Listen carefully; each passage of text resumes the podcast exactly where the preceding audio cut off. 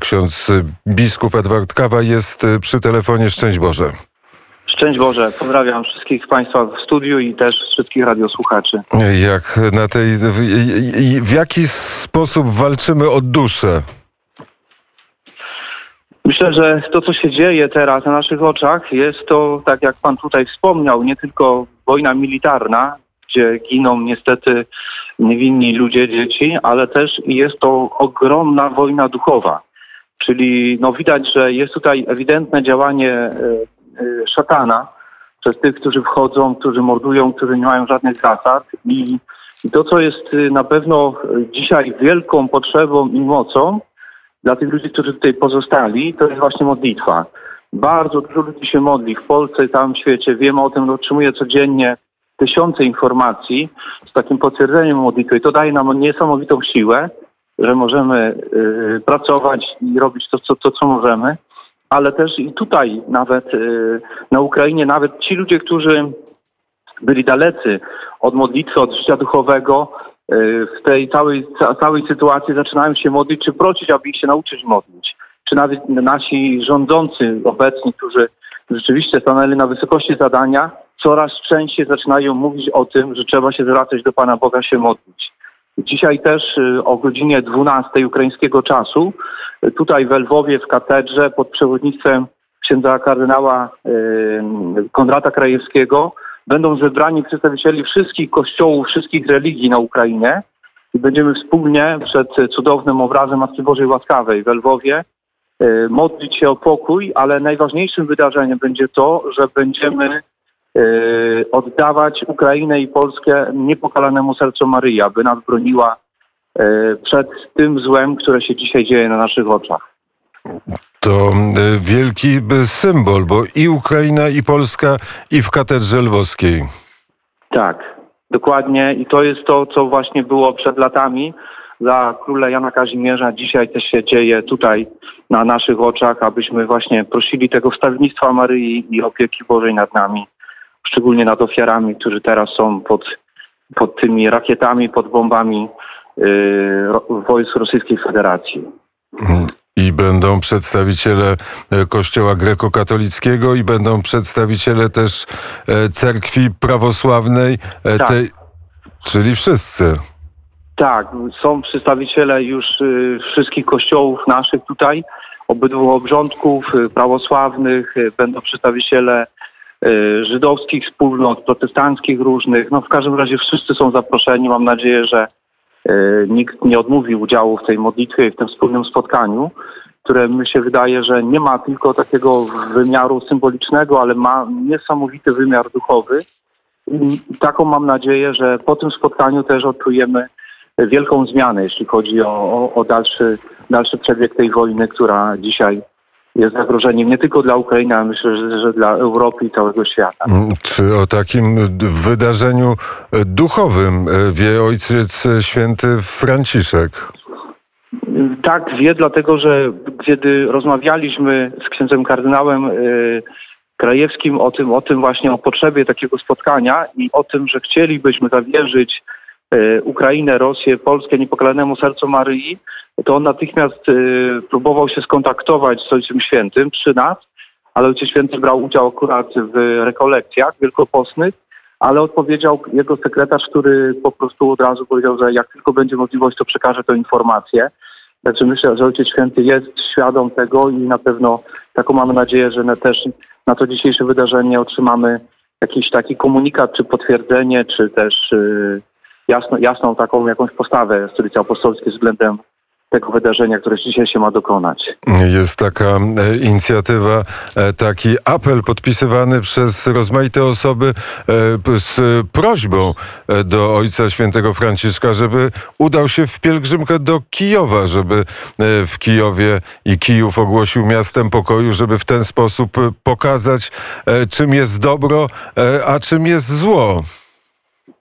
No, jest to inicjatywa oddolna. Też y, wielu, wiele osób się ze mną kontaktowało, pytało o zdanie, ale myślę, wydaje, że jest to bardzo dobra inicjatywa i jest to bardzo odpowiedni czas, czas aby pokazać, że wtedy, kiedy nie działają jakieś tam różne polityczne ustalenia, czy jakieś różne umowy, które były wcześniej zawarte, wtedy jest y, niesamowita i bardzo ważna rola Kościoła. I myślę, że taka wizyta Ojca Świętego Franciszka tutaj, na tym terenie, który po prostu spływa krw- krwią, jest konieczna. No nie? I myślę, że to by było wielkim znakiem i mogłoby w jeden moment zatrzymać tą wojnę, która dzisiaj, dzisiaj trwa na terenach Ukrainy.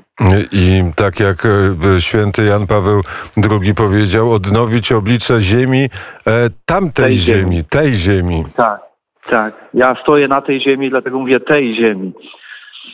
E, My e, symbolicznie też stoimy na tej e, ziemi, też o godzinie 12 będziemy pamiętać o tym, co będzie się działo w katedrze lwowskiej. Wczoraj dyrektor Caritasu, ksiądz dyrektor Caritasu lwowskiego powiedział, że Lwów jest na granicy, przepraszam, że tak zmieniam temat, na granicy jakiejś katastrofy humanitarnej. Czy ksiądz biskup potwierdza, że ta granica jest gdzieś już blisko?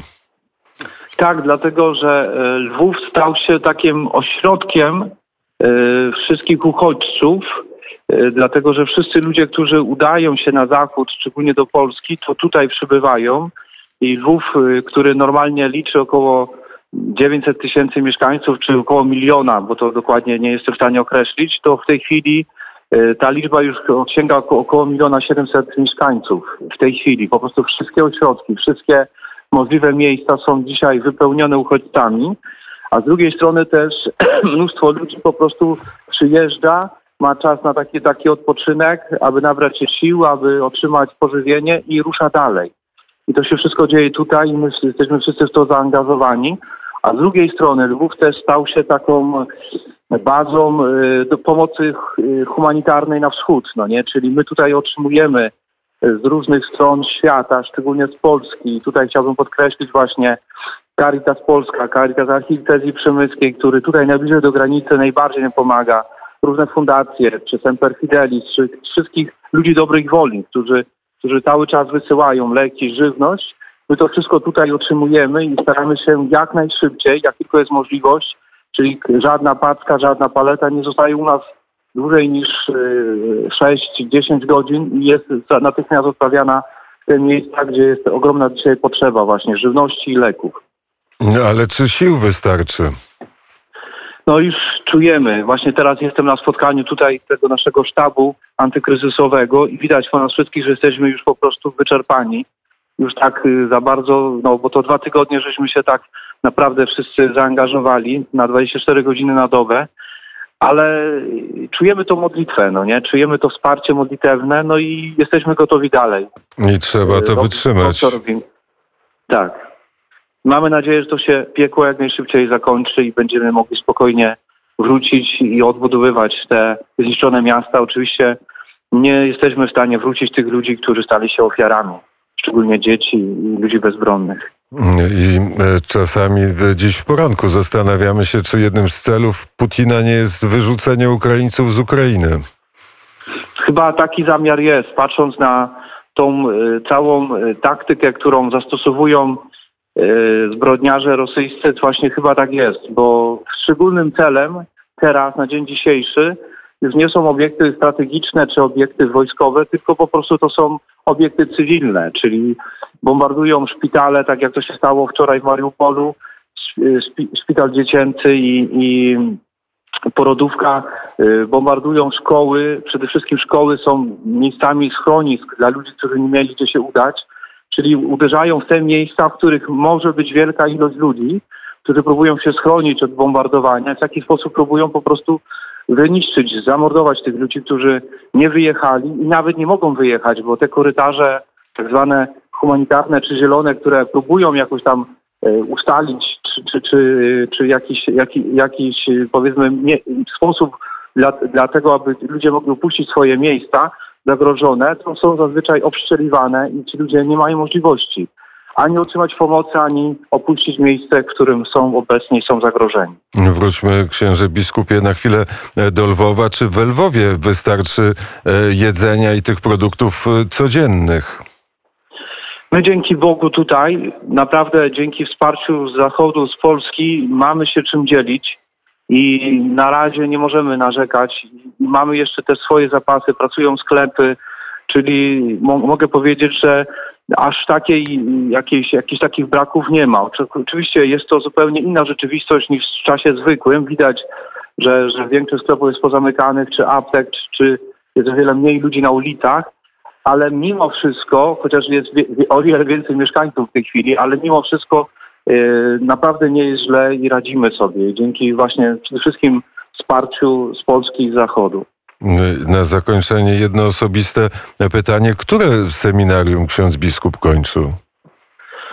Ja studiowałem najpierw y, w, u Franciszkanów, bo jestem zakonnikiem, u Franciszkanów Braci Mniejszych Konwentualnych w Krakowie. Y, W, w Krakowie naprzeciwko kurii biskupiej, tam gdzie właśnie jest okno papieskie. Tam byłem, a potem te, teologię kończyłem w Sankt Petersburgu, bo bardzo chciałem pracować w Rosji, zgodnie właśnie z obja- objawieniami Fatimi, aby iść i nawracać Rosję. No ale od razu po seminarium y, zostałem skierowany do pracy na Ukrainie i od 2003 roku jestem tutaj w swoim państwie, w którym się urodziłem.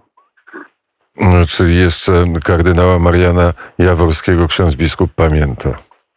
Tak, ja y, właściwie te moje y, pierwsze lata mego, mojej, mojej posługi biskupiej były bardzo związane z księdzem kardynałem Marianem Jaworskim, dlatego że y, często go odwiedzałem w Krakowie na Kanoniczej i bardzo często właśnie miałem taki z nim kontakt i telefoniczny i nawet y, jest to dla mnie taki też cud i łaska, że kilka godzin przed śmiercią y, w Krakowie w szpitalu Jana Pawła miałem możliwość, chociaż wszyscy lekarze mi mówili, że to jest niemożliwe, dosłownie wejść na, na, na- na 4-5 minut i pobyć i pomodlić się w jego obecności. I wiem, że już był bardzo słabiutki, ale, ale jak rozmawiałem, jak rozmawiałem, mówiłem do niego, prosiłem go o jakiś znak, to pokazywał mi, że słyszy, że, że, że mimo, że jest słaby, jest świadomy tego, co się dzieje. To dzisiaj e, w katedrze lwowskiej też będzie e, duch e, księdza kardynała. Dlaczego do tego zawierzenia nie dołączyć Rosji dziś w Właśnie chcemy. Chcemy dzisiaj też w tym zawierzeniu, właśnie przez y, interwencję księdza kardynała, z strony Stolicy Apostolskiej też w to włączyć w Rosję, dlatego że tak jak mówią objawienia fatimskie, że, że musimy się modlić o nawrócenie Rosji, no nie? Jeśli byśmy się wcześniej za to bardziej wzięli, to myślę, że dzisiaj byśmy nie mieli tej wojny i tej agresji, która jest w stosunku Ukrainy czy też innych państw. Ktoś e, powiedział, że albo XXI wiek będzie wiekiem wiary, albo nie będzie go wcale. Tak, i się z tymi słowami zgadzam. Bardzo serdecznie dziękuję za rozmowę. Dziękuję, pozdrawiam serdecznie i proszę o modlitwę z intencji Ukrainy i pokoju. Ksiądz biskup, biskup pomocniczy lwowski Edward Kawa był gościem poranka w